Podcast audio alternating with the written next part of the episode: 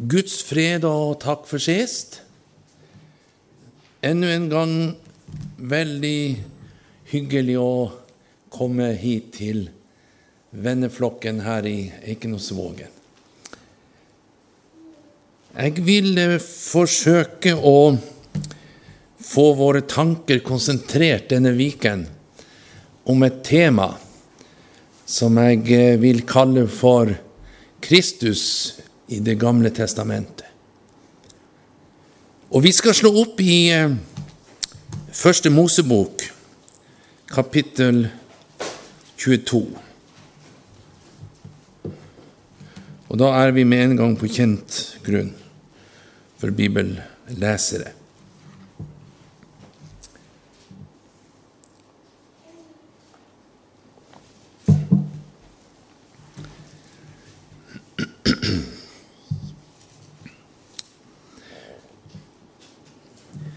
Og vi kan eh, kanskje si det slik at vi har det her som et, eh, på en måte et bakteppe for det som eh,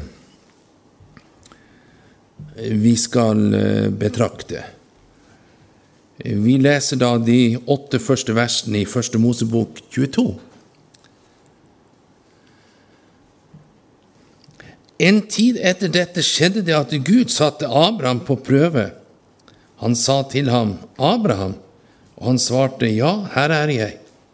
Da sa han, 'Ta nå din sønn, din eneste, han som du har så kjær, Isak. Dra til Moria-landet og ofre ham der som brennoffer på et av fjellene som jeg skal si deg.' Så sto Abraham tidlig opp om morgenen og leste på eselet og tok med seg to av tjenesteguttene og Isak sin sønn. Han kløvde ved til brennofferet og ga seg så på vei til stedet Gud hadde sagt ham.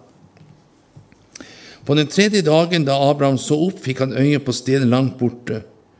Da sa Abraham til tjenesteguttene, Bli dere her med eselet, mens jeg og gutten går dit opp for å tilbe, og så kommer vi tilbake til dere. Så tok Abraham veden til brennofferet og la det på Isak sin sønn. Selv tok han ilden og kniven i hånden, og så gikk de sammen, de to. Da tok Isak til orde og sa til sin far Abraham, Du far! Og han sa, Ja, gutten min. Han sa, Se, her er ilden og veden, men hvor er lammet til brennofferet? Abraham svarte, Gud vil selv se seg ut lammet til brennofferet, min sønn. Så gikk de videre sammen, de to så lar vi det ligge. Og så skal vi slå opp i Salomos ordspråk.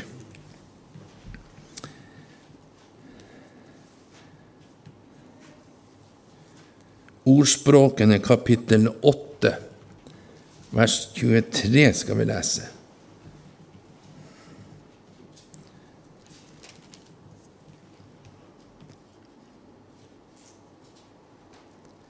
Fra evighet er jeg blitt innsatt. Fra begynnelsen, før jorden var til. Og så skal vi be for stunden vår videre. Og da skal vi gjøre det på den paulinske måten. Vi skal gå inn i en av de, de bønnene som han ba for menigheten i Efesus.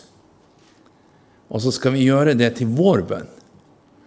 Om ikke du vil be høyt, så be inni deg når jeg ber denne bønnen. Det er fra Efesebrevet 1, fra vers 17. Vi ber om at du, vår Herre Jesu Kristi Gud, Herlighetens Far, må gi oss visdoms- og åpenbaringsånd til kunnskap om deg, og gi våre hjerter opplyste øyne, så vi kan forstå hvilket håp du har kalt oss til, hvor rik på herlighet din arv er blant de hellige, og hvor overveldende stor din makt er for oss som tror, etter virksomheten av din veldige kraft. Det var denne du viste på Kristus, da du reiste han opp fra de døde og satte han ved din høyre hånd i himmelen, over all makt og myndighet, over alt velde og herredømme og over hvert navn som nevnes, ikke bare i denne verden, men også i den kommende. Alt la du under hans føtter og ga han som hode over alle ting til menigheten, som er hans legeme, fylt av deg, som fyller alt i alle. Dette ber vi om i Jesu navn. Gi oss øyens salve, så vi kan fatte med alle de hellige hva høyde, dybde, bredde og lengde her er. Hjelp oss, O Herre, til å holde alle forstyrrende tanker som har eh, bombardert vårt sinn i dag. Vi får nåde fra deg til å holde det ute og være konsentrert om ditt ord i kveld. I Jesu navn. Amen.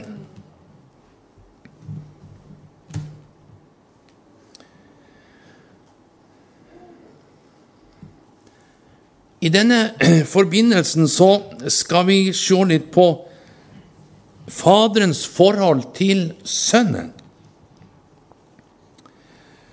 Uttrykket 'evig', som vi møtte i ordspråken 8, står som en indikasjon på at Gud hadde et forhold til sin sønn fra evighet av, og da nevnt i forskjellige sammenheng.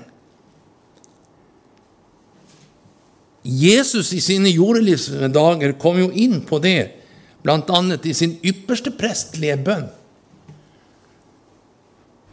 For det står å lese i Johannes 17, så ber Jesus i vers 5.: Og nå herliggjør du meg, Far, hos deg selv med en herlighet. Og så kommer det jeg hadde hos deg før verden ble til. Ser du det? Og i vers 24 fordi du elsket meg før verdens grunnvoll ble lagt. Her merker vi oss følgende den evige herligheten i Sønn og den evige kjærlighet til sin sønn. Johannes han nevner jo det her i sin beskrivelse av Jesu preeksistense stilling når han i det første kapittel i sitt evangelium sier i begynnelsen var Ordet, og Ordet var hos Gud, og Ordet var Gud. Han var i begynnelsen hos Gud, sier han.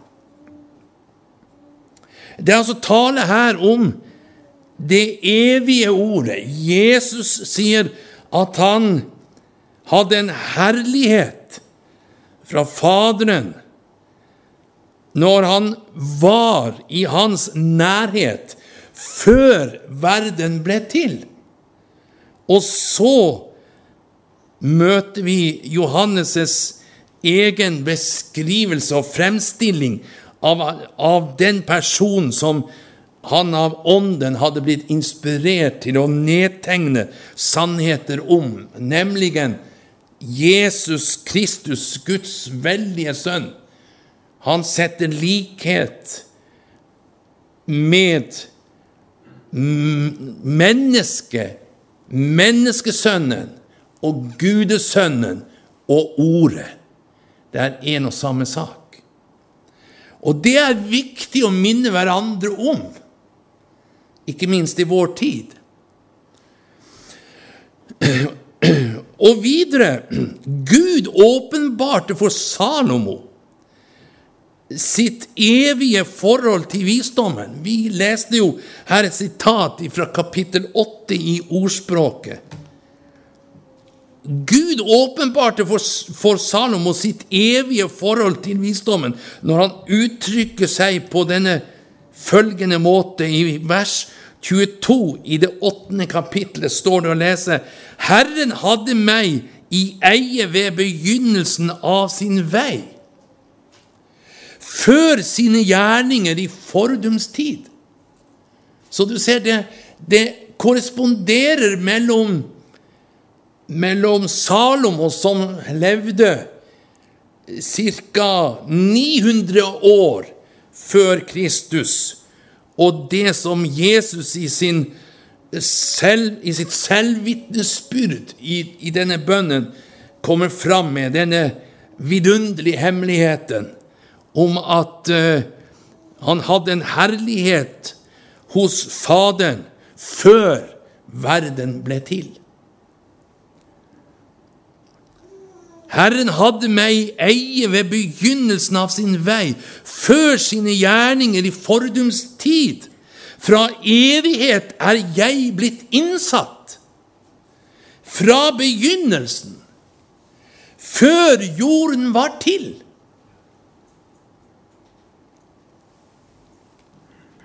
Guds ord samstemmer. Vi, vi kan f.eks.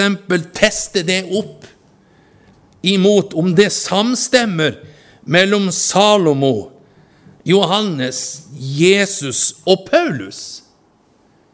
Ja, hvordan skal vi gjøre det? Jo, da går vi til Kolossebrevet, Paulus brev til kolosserne. Det første kapittel. Og hør her. Han sier om Jesus. Og han går også inn i før det skapte, egentlig. Han er et bilde av den usynlige Gud, sier han om Jesus, Paulus. Han hadde fått åpenbart det. Gud hadde gjennom sin ånd åpenbart for ham Skriften, Tanna, Det gamle testamentet. Og I det hadde han fått sett Kristus både i Mosebøkene, i salmene og profetbøkene. Og der hvor Paulus gikk fram, der beviste han, står det, var Guds veldige sønn. Han var den som Skriftene talte om, og profetene talte om. Og han ble ikke til først da han ble født inn i verden. Nei, hør her, tilbake til Kolossebrevet. Han er et bilde av den usynlige Gud, den førstefødte fremfor enhver skapning. Der har du det igjen. Før det skapte, så var han. For i ham er alt blitt skapt. Vers 16 i himmelen og på jorden, det synlige og det usynlige, enten det er troner eller herredømmer eller makter eller myndigheter. Alt er det skapt ved ham og til ham. Han er før alle ting. Har du det igjen? Og alt består ved ham. Fantastisk.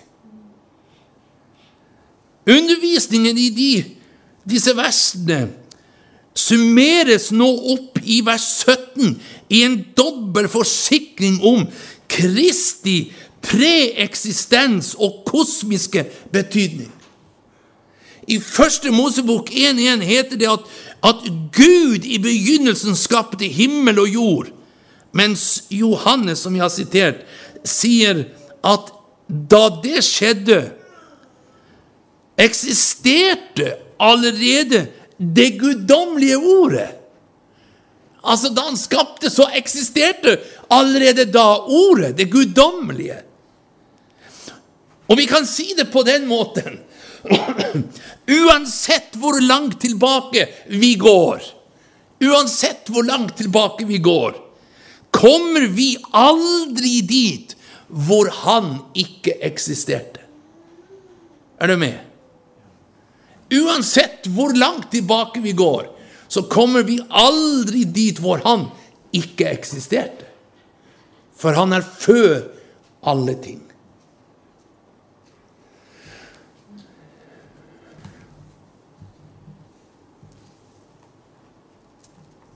Så kan vi stille spørsmålet Denne visdom i Salomos ordspråk skal vi slå opp igjen, så vi har det der foran oss. Denne visdom som det er snakk om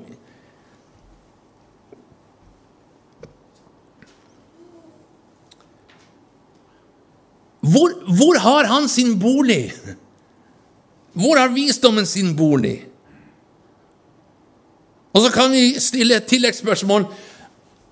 Er det noen som av Bibelens forfattere som har stilt det? Ja, det er faktisk det. Hvem er det, da? Jo, Jobb. Den boka som du finner før salmene. Jobbs bok. Der kan vi slå opp i det 28. kapittel. Jobb 28. Og Jobb han, han stiller noen, noen interessante spørsmål her. Ta for eksempel det han sier, altså jeg er i kapittel 28, det tolvte verset. Så stiller han spørsmål. Men visdommen hvor skal den finnes? Hvor har forstanden sitt bosted? Vers 22. Unnskyld, vers 20 først. Hvor kommer da visdommen fra, og hvor har forstanden sin bolig? Her gjentas det. Og fra vers 22 og 23. Avgrunnen og døden sier bare et rykte om den er kommet oss for øre. Gud kjenner veien til den, og han vet hvor visdommen har sin bolig. Gud. Ja. For Gud har fra evighet av vært sammen med den visdommen. Men la du merke til hva som sto i vers 22? Avgrunnen og døden sier Bare et rykte om den er kommet oss for øre. Når kom døden inn? Jo, ved fallet. Og så ryktedes det i dødens korridorer om visdommen. Ja, for han som var årsaken til fallet, han hadde i sin gestaltstilling vært kjent med denne visdom. Men han innførte noe, et nytt begrep, og det var dårskap. Når innførte han det? Når han gjorde seg opp høye tanker. Denne Lucifer, morgenrødens sønn, som han blir kalt av profeten, som ville stige opp på gudenes tingfjell og gjøre seg lik den høyeste. Den tanken kommer ifra et fall. Det er sjalusi. Dårskap. Det er det som, som denne verden er full av. En gift som strømmer ut ifra den gamle slangen Døden er ikke fra evighet av, men livet er fra evighet av. Og livet er ikke det motsatte av, av døden, hvis du tror det. Livet er det evige. Det er Kristus. Det er Gud. Det er Ordet. Ja. Og livet har seiret over døden. Og kommer til å seire til syvende og sist. Og han har oppslukt Hva står det? Oppslukt døden til seier. Så da til, til Helt til slutt så blir døden eliminert og tilintetgjort på grunn av at livet er det sterkeste. For det er ifra evighet av. Takk og lov og pris, har jeg lyst til å si. Vers 28. Og han sa til mennesket, se å frykte Herren, det er visdom, og å fly det onde er forstand. Ja, så ligger altså visdommen og kunnskapens skatter, som Paulus senere over 1000 år senere underviste menigheten om at han som er visdommen, han bor midt iblant dere. Og i ham er alle visdommens og kunnskapens skatter skjult til stede. Akkurat som Jesus var synliggjøringen av den usynlige Gud, så er nå menigheten synliggjøringen av den nå usynlige Jesus. Det blir jo sånn. For vi har overtatt. 'Jeg er verdens lys', sa han. Men så kom tiden han sa 'Dere er verdens lys'. Dere er jordens salt. Altså en overføring av oppgave og livskvalitet. Og nå er vi de som, som skal være i forhold til ordet sannhetens støtte og grunnvoll. Det er menigheten. Vi skal ved vår, eh, vår praktisering og ved vårt liv så skal vi støtte sannheten som mennesker ser at Gud er en levende realitet. Han regjerer over alle ting. Han som er ifra evighet av, han bor i dere. Kunnskapens skatter og visdommens skatter er skjult til stede iblant oss, og vi kan få være med og åpenbare det. For hvordan er det når dere kommer sammen? Da har hver av dere en lære, en salme, en tunge, en tydning. Hva er det Paulus forteller her? Jo, han snakker om det skjulte livet i Gud som plopper opp, kan du si.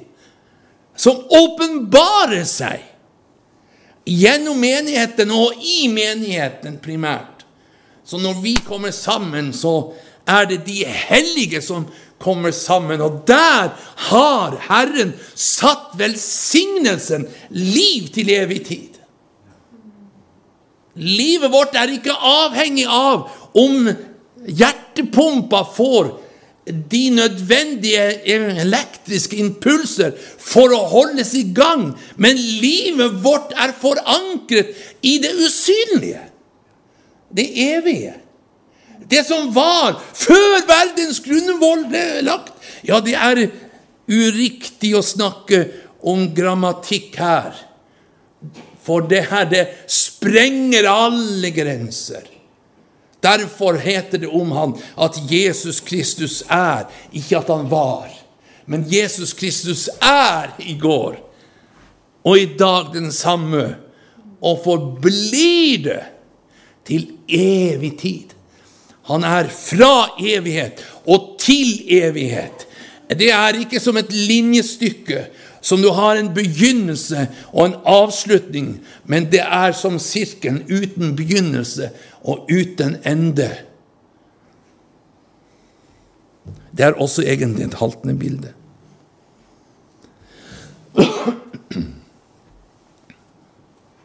Jeg skal vise deg noe interessant her.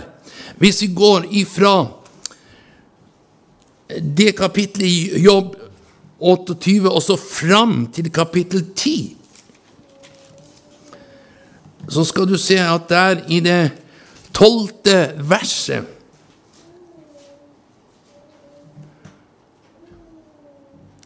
Unnskyld, jeg sa feil. Det er kapittel 3 jeg mener. Kapittel 3 hos Jobb.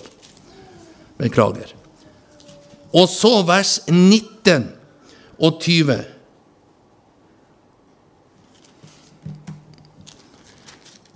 Skal vi se Det var da svært. Jeg mente altså ordspråket.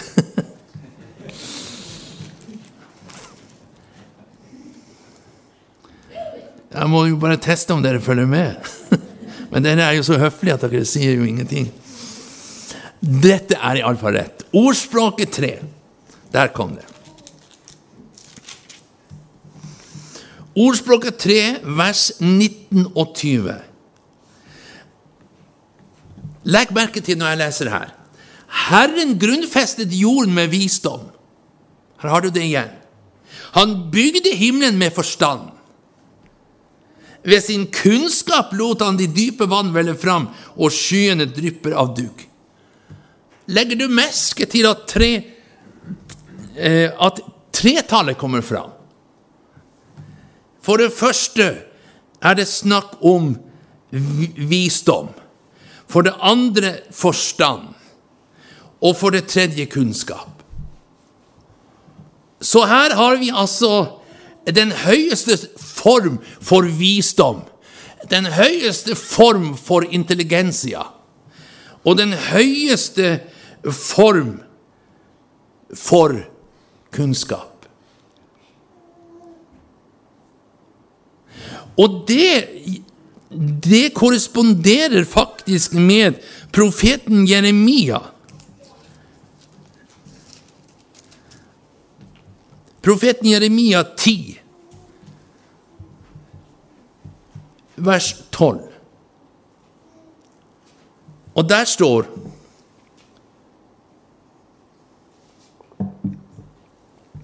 Han er den som skapte jorden ved sin kraft, som grunnfestet jordriket ved sin visdom og spente himmelen ved sin forstand. Har du tretallet igjen? Så det er den treenige Gud som er i virksomhet Vi kan ikke avskaffe den treenige Gud fordi at vi ikke forstår det. Og gå over til en lære som sier Jesus alene. Men vi må tro at Gud er tre. Og tre er én. Det må vi tro. For det er en enhet, alt sammen. Akkurat som egget er en enhet, men det består av tre deler. Akkurat som du og jeg er en enhet, men består av tre deler, så er vi en, en avbildning av det guddommelige, for han skapte oss i sitt bilde, den treenige Gud. Det er Gud Fader, Gud Sønn og Gud den hellige ånd. Og han var i begynnelsen. Ånden var også i begynnelsen. Og ordet som ble talt av Gud som skaper, fikk liv ved ånden. Og fravek Gud det her. Nei, det går som en rød tråd gjennom Det gamle testamentet. Der er det skjult, der må det åpenbares. Og så åpner blomsten seg. Knoppen åpner seg som en blomst i Det nye testamentet. Og så ser vi det åpenbart. Guds kjærlighet åpenbart i Sønnen. Og Sønnen vil ikke etterlate menigheten farløs. Men jeg kommer til dere ved Ånden. Og Ånden, har du det igjen, åpenbarer Sønnen og Faderen. Og den som tar imot meg, tar imot Faderen meg. Skal vi skal ta bolig hos Han. Og skal det her multipliseres, mangfoldiggjøres, så må det, så det står i Hebreerbrevet 4, 1 det må, altså Ordet må smelte sammen med troen i vårt hjerte. Ordet, sammensmelting og troen. Ser du det? Er det tre. Ja, men hva, hva forårsaker sammensmeltningen? Det er temperaturen. Ja. Enhver legering blir ikke vellykket når, når to, to metallstoffer skal smelte sammen, så skjer det ved en viss høy temperatur. Ser du prinsippet videre? Det evige prinsippet det er som var før verdens grunnvoll ble lagt. Så utvalgte han oss han som var før alle ting, så sier Paulus til menigheten i Efesos at, han, at, dere er en utvalgt etter kongelig presteskap, sier Peter. Ja, det korresponderer med det Paulus sier, at, at vi er utvalgt i ham før verdens grunnmål ble lagt. Uttrykket 'før verdens grunnmål ble lagt' forekommer tre ganger i Skriften. Og det er knyttet til det himmelske, til menigheten. Og uttrykket 'fra verdens grunnvoll ble lagt', det er knytta opp til Israel og det jordiske. Så du skjønner han, han kjører også på to spor, men det er også tredeling. Helligdommen som Israel fikk, var en tredeling. Tabernaklet var en tredeling. Ser du tredelingen hele tiden. Tempelet var en tredeling. Ja Treenig. Men tilbake til sammensmeltningsprosessen. Høy temperatur. Det er ikke negativt å få høy temperatur i menigheten. Vi setter ofte et negativt fortegn til det. Når temperaturen er høy, da er det uenighet. For noe visjvasj. Når det er høy temperatur i menigheten, slik som det er tiltenkt ifra guddommen, da er det ånden som brenner. Og da skjer sammensmeltningen. Ja, hva ser du? Jo, jeg ser en lysestake. Hva var lysestakens eh, oppgave? Det var å lyse. Hvor kom lyset fra? Fra ilden i veken som fikk sin næring ifra oljen som ble tilført ifra oljekaret via oljerørene. Hvordan begynte den? Jo, den begynte med at presten antente den. Og slik også med menigheten. Hvordan begynte Den hellige ånds brann i menigheten? Ved at øverste presten antente det. Er du med? Jeg skal bede Faderen, og han skal sende dere en annen talsmann. Og glory, halleluja! Har dere aldri lyst til å si amen? Jeg holder på å eksplodere, altså. Og så sendte han, etter Faderens løfte, til menigheten, og siden har det brent i Guds legeme. Takk og lovpris. Og du skjønner, det er viktig. Det er evig bestemt og evig besluttet at så skal være. Gud har ut ifra sin evige rådslutning i, i, som han fattet hos seg selv om en husholdning. I tidens skyld å samle alt til etter Kristus. Og da hadde han bestemt at sånn skal det være. Akkurat som han ga Moses tegningen på damernaklet. At sånn skal du gjøre. Se til at du gjør presist etter det bildet som jeg viser deg på fjellet. Og når han gjorde det, så kom den eh, rektangulære helligdommen gjort av de forskjellige.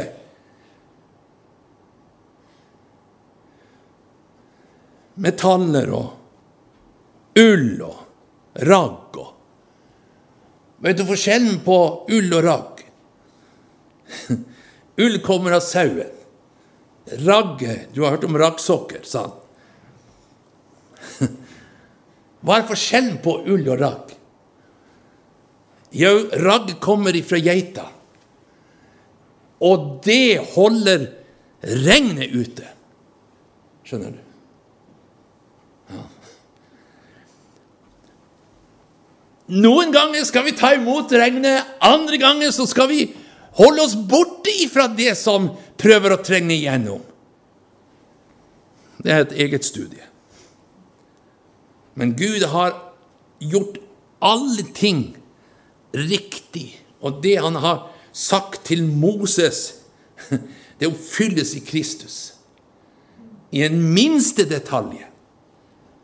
For vi har ikke med en planløs Gud å gjøre, men vi har med en Gud å gjøre som i detaljer har planlagt alle ting fra evighet av. Og har utvalgt oss.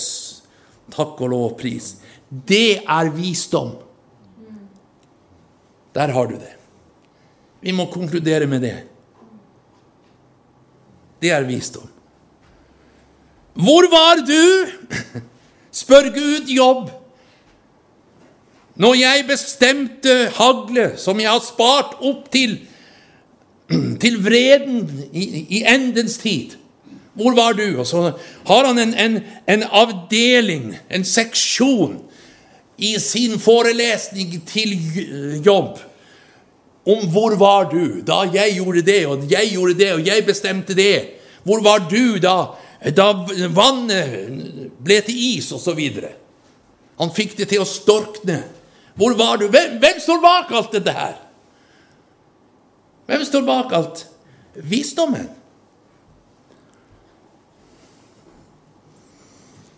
Så jeg forstår godt Paulus når han i Korinterbrevet stiller disse spørsmål. Hvor er en vis mann? Hvor er en skriftlærer? Hvor er en forsker i denne verden? Har ikke Gud gjort verdens visdom til dårskap?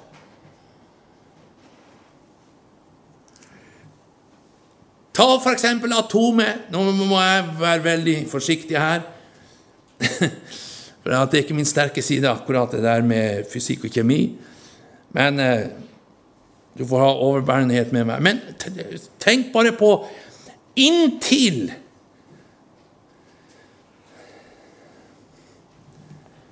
at en eh, vitenskapsmann fant ut Jøden Å, oh, nå fikk jeg jernteppe. Hva var det han het? Han eh, som fant opp oppspalting av atomet. Hæ? Er dere også blokka? Ja, det kommer sikkert etter hvert. Hæ? Nei. Eh, han har jo fått Nobels pris i matematikk og kjemi. Ja. Einstein. Einstein var det. Der kom det. Det måtte en ungdom til. Ja, ok. Så har vi det. Inntil da så var det mye i fysikken og matematikken som denne verden ikke forsto seg på.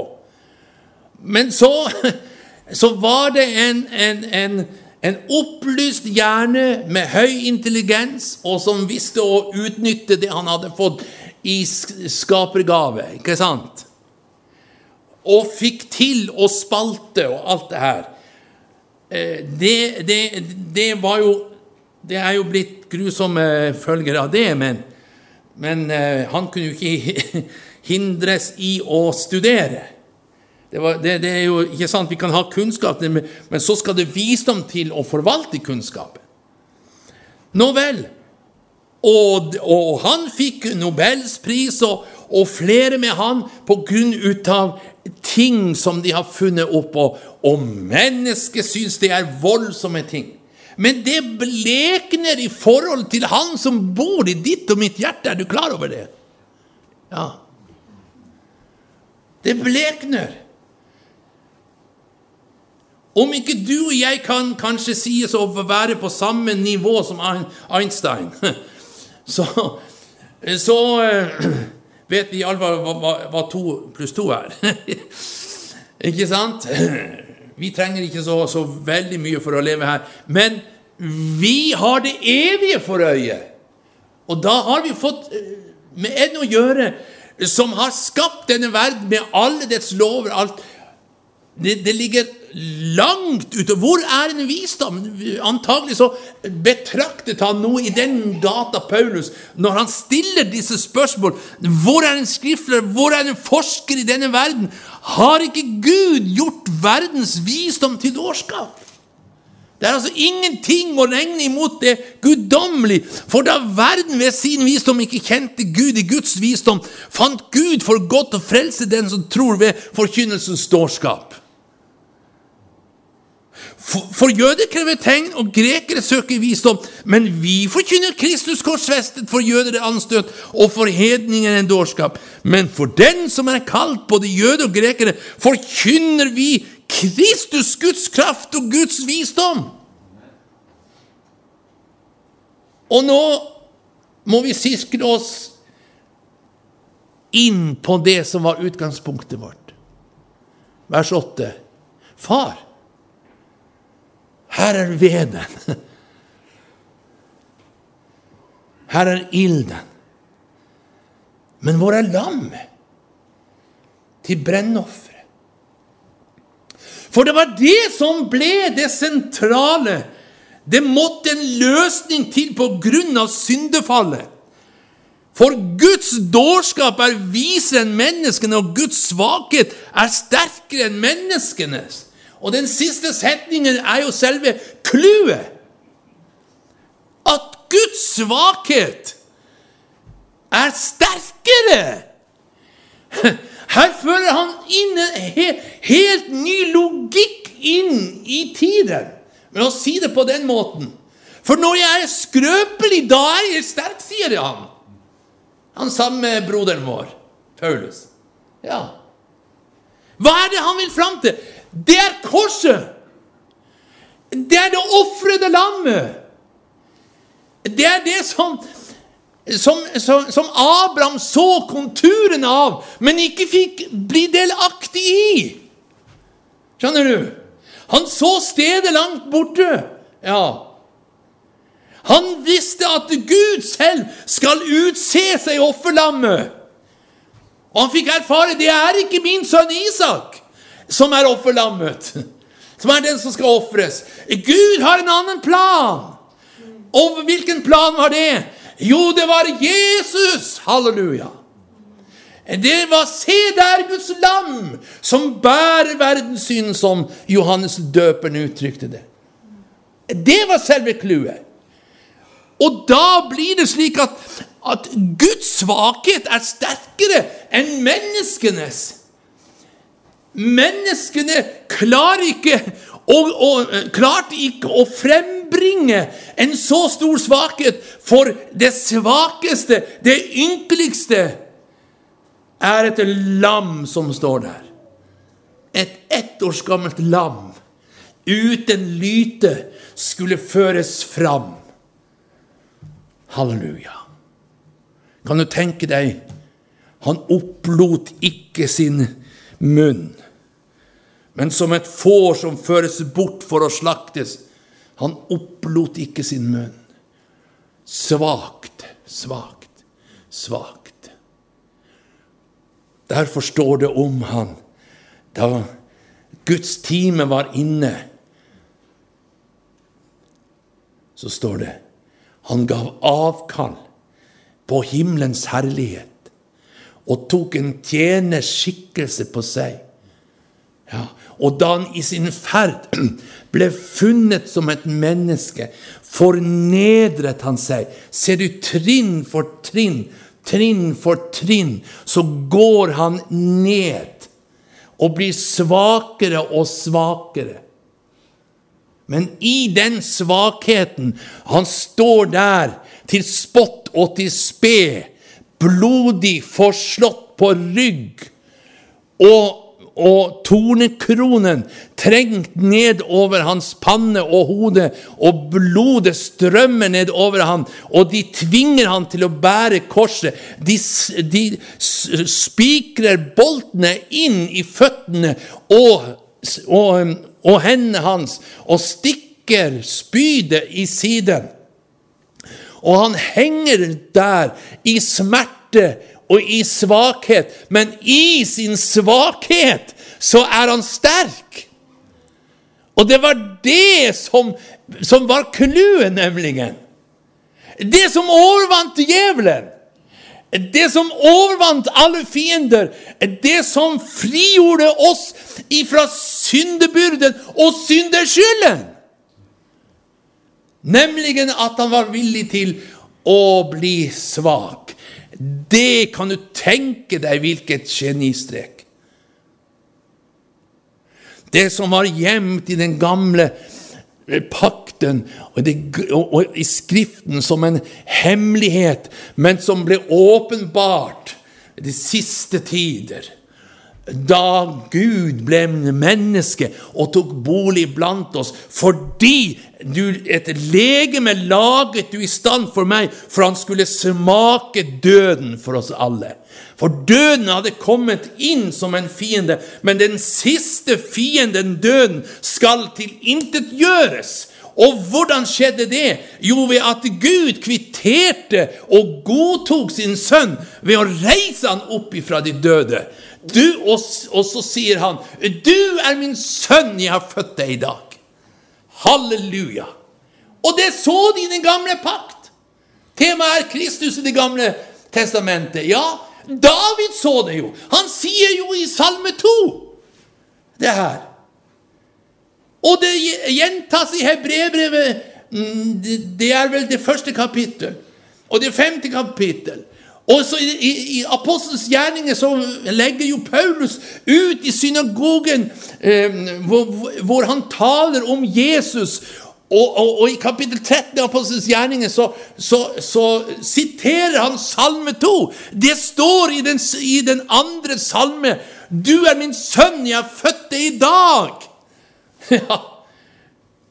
Og så, og så talte han til jødene og forteller at således har Gud vist at det er han som er Messias, ved å reise han opp ifra de døde. Og kjære venner her i Eikenosvågen, han tror dere på! Dere har jo ikke sett ham! Nei, men han tror dere på! Men dere har kjent ham!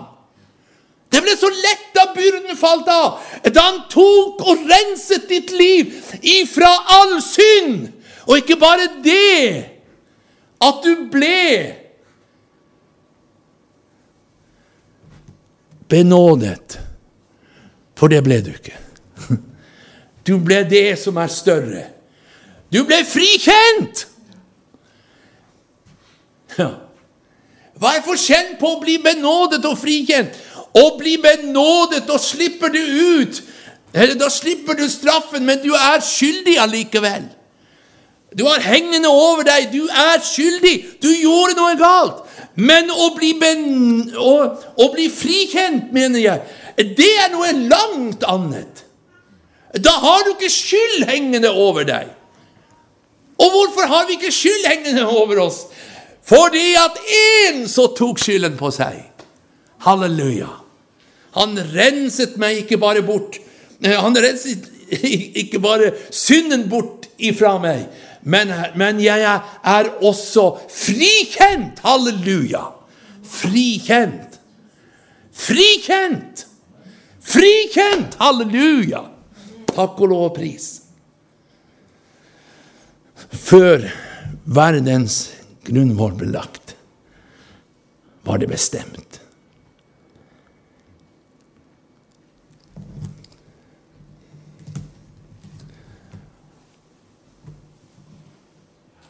Fader vår i himmelen. I Jesu navn. Vi stopper opp for ord. Når vi betrakter hvor stort det er det du har gjort for oss, Herre. Min sjel, lov Herren, og alt som i meg er, love ditt hellige navn. Takk for at så langt som øst er ifra vest, lar du våre misgjerninger være langt fra oss på grunn av din nåde i Jesus Kristus. Takk Far himmelen. Amen.